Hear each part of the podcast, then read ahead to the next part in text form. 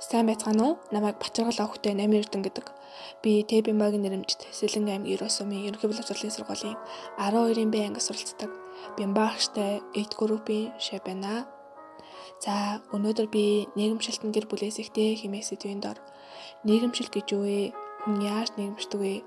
Хүний нийгэмшилтэд юу юу чухал байдаг вэ гэдэг талаар подкаста хөргөж байна.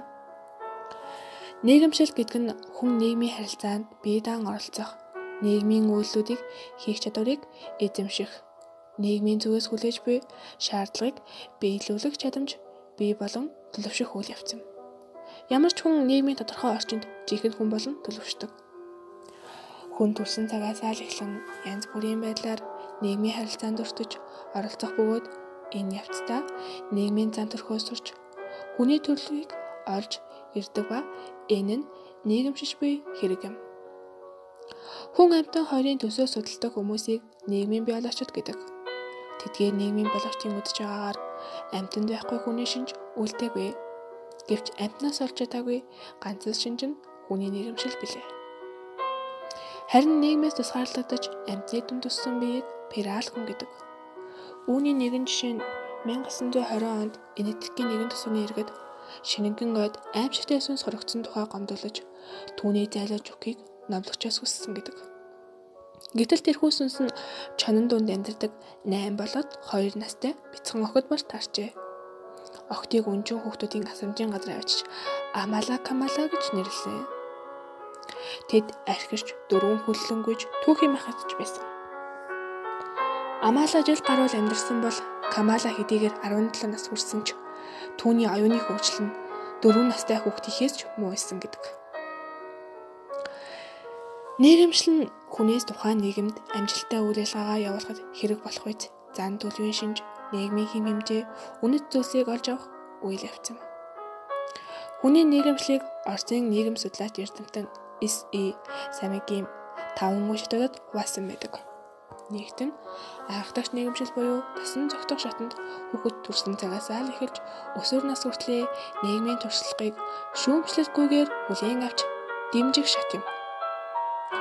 Хоёрт нь өсвөр наснд нийгмийн зангуулын хэм хэмжээд шүүмжлэлтэй хандаж бусдын дунд өөрийгөө илэрхийлэх хүсэл эрмэлзэлтэй болж өөрийнхөө дотоод хүнийг олох гэж өөртөө тэмцэлдэх бөгөөд галзаа барын аманд гараа хийхэд босохгүй гэдэг шиг үзэл бодол нийгэмтлийн чиг хандлага нь тогтворгүй байдаг. Энэ нь бодгоолж шат юм.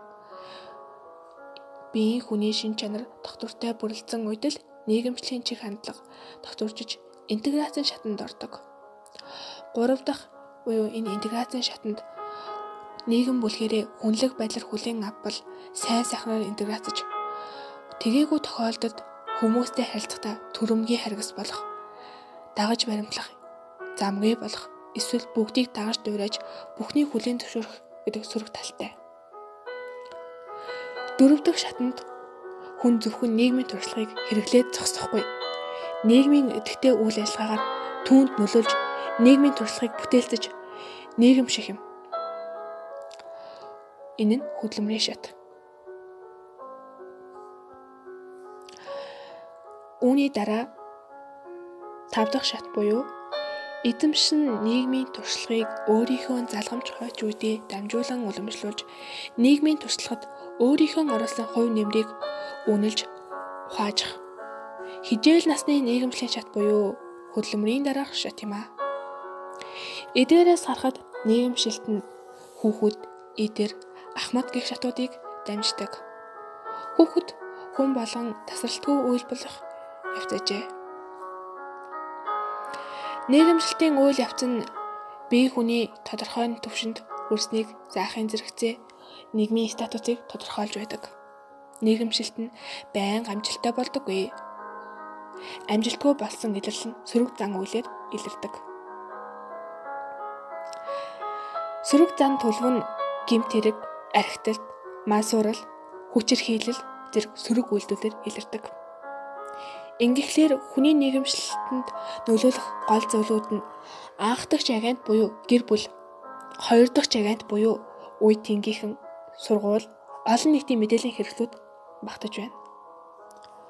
Хүн баг болон өсвөр насндаа нийгэмшээгүй бол түүний дараагийн шатуудад нийгэмших нь үсэг сураагүй байж ном унших гэж оролдохдоо л агаар нэг юм.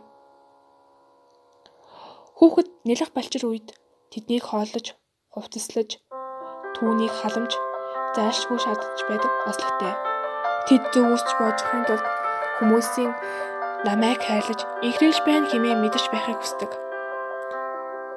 Эдгээр хайр халамж байхгүй бол хүний араншин болон сэтгэл зүрэхгүй оюун ухаан туйлын дагавар халамжийн дутагдал буюу депрессадад ордог. Үүний өөр нэг хэлбэр болох госпитализм. Энэ нь өнчин хүүхдүүдийн байгууллагад их эцгийн хайр халамж дутсан цэвдэг ахуй хортой нөлөө юм. Энд байгаа хүүхдүүдийн өвчлөл нас баралт их өсөлт оюуны хөгжилтөнд хоцрогдсныг эдгэнтийн судалгаагаар нотолсон байдаг.